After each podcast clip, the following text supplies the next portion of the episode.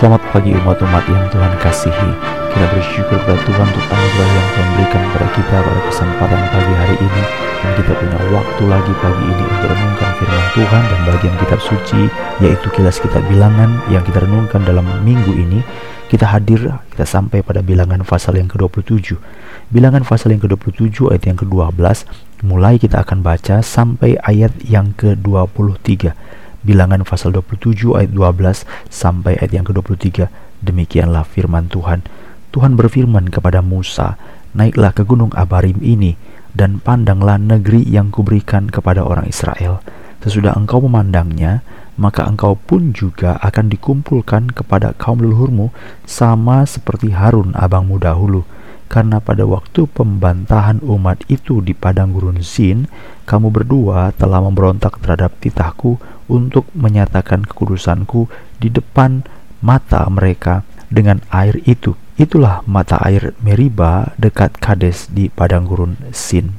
Lalu berkatalah Musa kepada Tuhan, Biarlah Tuhan Allah dari roh segala makhluk mengangkat atas umat ini seorang yang mengepalai mereka waktu itu keluar dan masuk dan membawa mereka keluar dan masuk supaya umat Tuhan jangan hendaknya seperti domba-domba yang tidak mempunyai gembala. Lalu Tuhan berfirman kepada Musa, Ambillah Yosua bin Nun seorang yang penuh roh, letakkanlah tanganmu atasnya, suruhlah ia berdiri di depan Imam Eliazar dan di depan segenap umat, lalu berikanlah kepadanya perintahmu di depan mata mereka dan berilah dia sebagian dari kewibawaanmu, supaya segenap umat Israel mendengarkan dia. Ia harus berdiri di depan Imam Eliazar, supaya Eliazar menyanyikan keputusan Urim bagi dia di hadapan Tuhan. Atas titahnya, mereka akan keluar, dan atas titahnya, mereka akan masuk, ia beserta semua orang Israel segenap umat itu. Maka Musa melakukan seperti yang diperintahkan Tuhan kepadanya ia memanggil Yosua dan menyuruh dia berdiri di depan Imam Eliazar dan di depan segenap umat itu.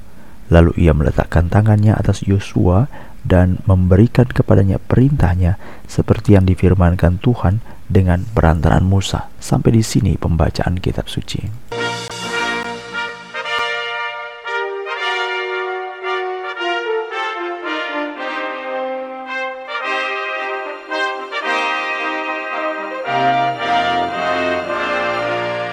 Umat-umat yang dikasih Tuhan, bilangan pasal 27 yang kita baca adalah satu fase lagi dari bangsa Israel yang akan masuk ke tanah perjanjian. Bagian ini adalah bagian yang disebut persiapan untuk masuk tanah perjanjian. Bilangan pasal yang ke-27 mulai. Jadi kalau kita membandingkan dalam waktu-waktu yang lalu tentang kitab bilangan, maka bagian ini dapat dibagi dua. Bagian pertama, perintah pertama adalah mencatat mencatat generasi yang pertama, bilangan pasal 1 sampai pasal 4. Lalu bilangan pasal yang ke-26 bagian yang kedua kembali lagi dicatat.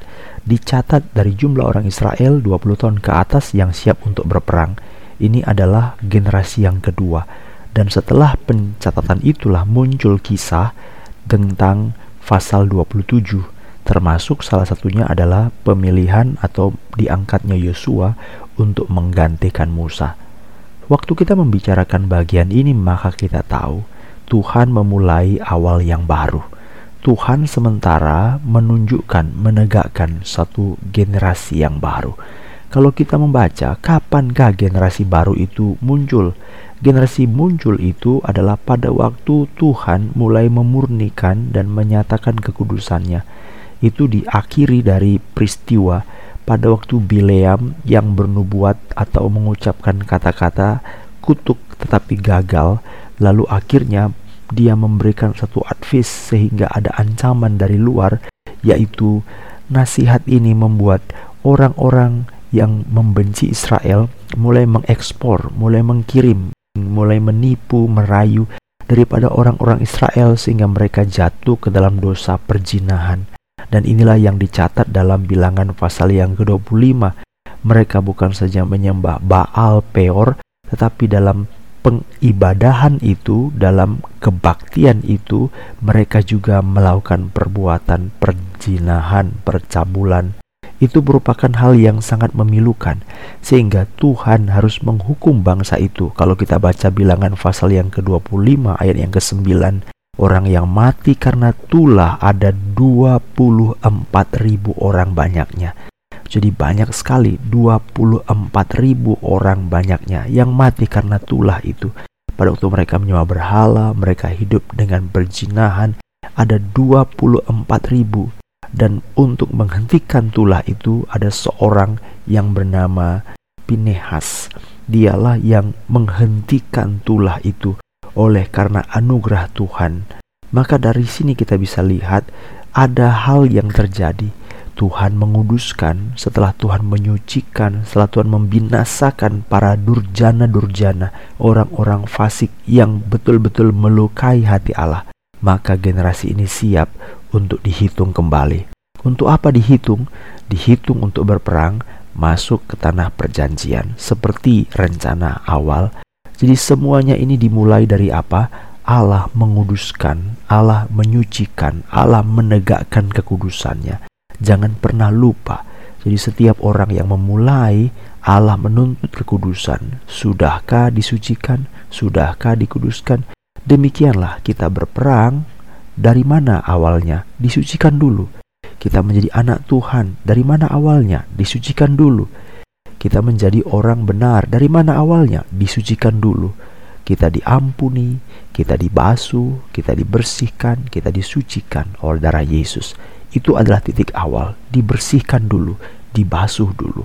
Jadi pada waktu dibersihkan dengan tulah yang menelan korban 24 ribu orang banyaknya. Lalu muncullah seorang keturunan imam untuk menegakkan dan membunuh seorang anak perempuan daripada pemimpin Midian Kosbi.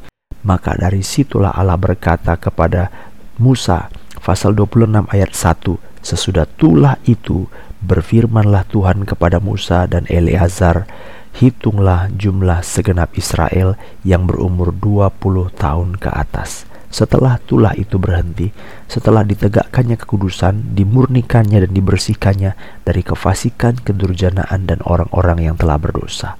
Salah satu hal yang perlu kita lihat juga bahwa Tuhan menetapkan untuk memimpin, untuk menangkat satu pemimpin yang baru bernama Yosua, pasal 27 ayat yang ke-12. Jadi Tuhan berfirman kepada Musa, "Naiklah ke atas gunung Abarim dan pandanglah negeri yang kuberikan kepada orang Israel. Sesudah engkau mandangnya, engkau pun akan mati seperti yang dikumpulkan dengan leluhurmu, seperti Harun abangmu yang dahulu." Ini adalah persiapan untuk masuk tanah perjanjian. Tuhan itu setia kepada perjanjiannya. Dan dalam perjalanan ini tidak ada istilah sesuatu yang kita sebut dengan Tuhan tega Tuhan keterlaluan, Tuhan itu berlebihan, Tuhan itu overreaktif, Tuhan itu melakukan suatu perbuatan masa tidak melihat perbuatan baiknya. Tetapi keputusan Tuhan itu tetap tidak bisa diganggu dan tidak bisa diubah lagi. Masa sih tidak ada revisi Alkitab mengatakan pasal 27 Musa tetap harus mati dan dia tidak boleh masuk tanah perjanjian sama seperti bangsa Israel generasi yang pertama tidak boleh masuk tanah perjanjian. Sekarang mereka sudah ada di depan mata untuk masuk ke tanah perjanjian, sedikit lagi menyeberangi Sungai Yordan. Jadi, ini adalah waktu, ini adalah saatnya di mana Musa harus mati. Ia tidak boleh untuk masuk tanah perjanjian. Maka Musa harus mati, tetapi karena sekaligus juga adalah Musa pemimpin, maka pada waktu Musa mati, haruslah juga ada pemimpin yang memimpin bangsa Israel. Maka Tuhan berkata, dipilihlah Yosua. Peristiwa ini menunjukkan beberapa hal. Yang pertama, jika Tuhan sudah berfirman, maka firmannya itu adalah tetap, firmannya itu terjamin, firmannya itu adalah sungguh-sungguh. Jadi jangan pernah meremehkan firman Tuhan atau menganggap kuno firman Allah. Jangan pernah menganggap firman Allah sebagai satu hal untuk tawar-menawar atau negosiasi. Ruang seluas-luasnya untuk firman Allah adalah ketaatan. Begitu firman Allah disampaikan, lakukanlah dengan taat.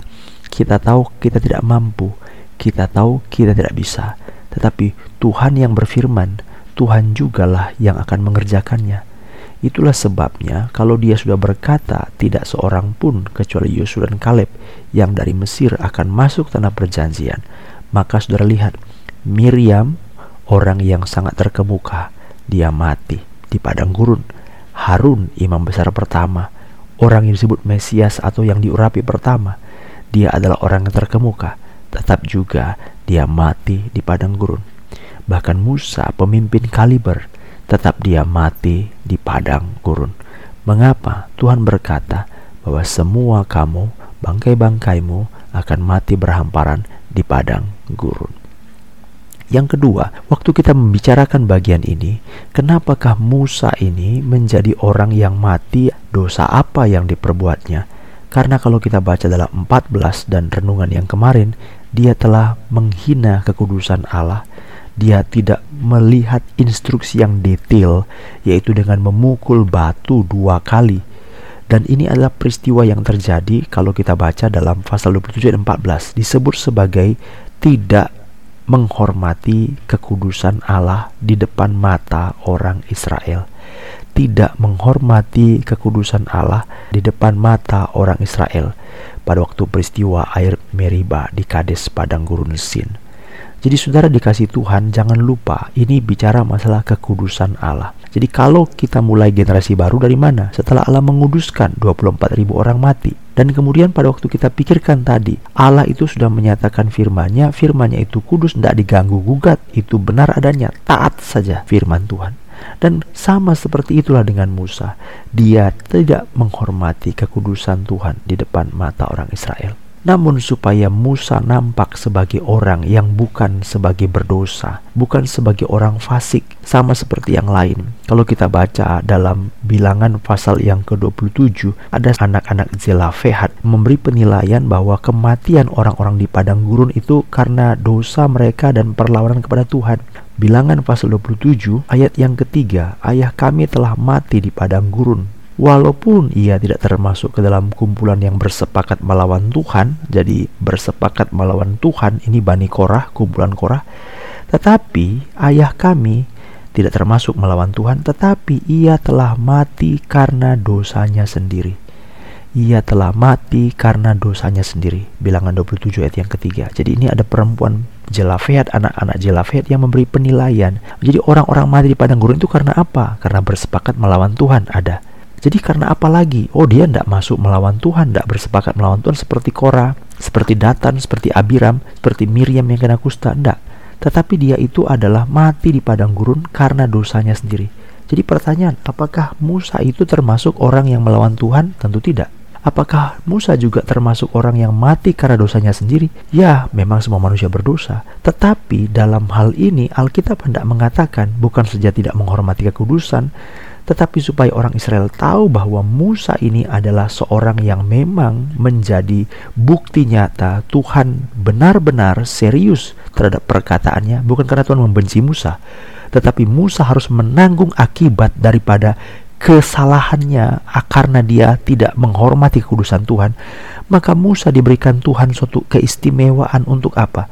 Dalam ayat yang ke-16, Musa berdoa, biarlah Tuhan Allah dari segala roh, segala makhluk mengangkat atas umat ini seorang yang mengepalai mereka waktu keluar dan masuk, membawa mereka keluar dan masuk, supaya umat Tuhan jangan hendaknya seperti domba-domba yang tidak mempunyai gembala. Lalu Tuhan berfirman kepada Musa, ambillah Yosua binun seorang yang penuh roh, letakkan tanganmu di atasnya. Jadi waktu Musa diberikan kesempatan untuk mengangkat Yosua, ada satu hal yang dibuat oleh Tuhan. Beberapa bagian ini letakkan tanganmu di atasnya. 18 lalu 19. Suruhlah ia berdiri depan Imam Eleazar di depan segenap umat itu lalu berikan kepadanya perintahmu di depan mata mereka. Memberikan perintah dan yang ketiga 20 Berilah dia sebagian dari kewibawaanmu supaya segenap umat Israel mendengarkan dia. Jadi dari hal ini kita tahu bahwa Musa mati di padang gurun bukan karena Tuhan membenci. Musa mati di padang gurun barangkali bukan karena dosanya sendiri. Memang dia berdosa, tidak ada manusia tidak berdosa. Dia menghina kekudusan Allah. Tetapi supaya Musa tidak dipandang rendah. Dan supaya orang Israel tidak salah kaprah tentang kematian Musa di padang gurun bersama dengan generasi lainnya. Maka Tuhan memberikan tumpangkan tanganmu, letakkan tanganmu di atas Yosua, lalu berikan perintahmu kepadanya, lalu taruhlah sebagian kewibawaanmu kepada dia, supaya orang-orang mendengarkan dia di depan lakukan itu di depan mata seluruh umat Israel. Jadi kita tahu ada satu keistimewaan bahwa Musa itu mati adalah karena ketetapan-ketetapan dan kesungguhan perintah Allah. Musa berdosa, iya, tapi ada istimewa diberikan supaya orang-orang tahu bahwa Musa tidak sama seperti orang-orang yang mati di padang gurun lainnya apa yang terjadi pada waktu kalimat Musa dalam ayat yang ke-16 supaya orang Israel jangan seperti domba yang tidak mempunyai gembala. Matius pasal 9 Yesus punya kalimat yang sama. Hatinya tergerak oleh belas kasihan melihat orang banyak itu karena mereka seperti domba tanpa gembala. Ini membicarakan tentang Musa yang digantikan Yosua.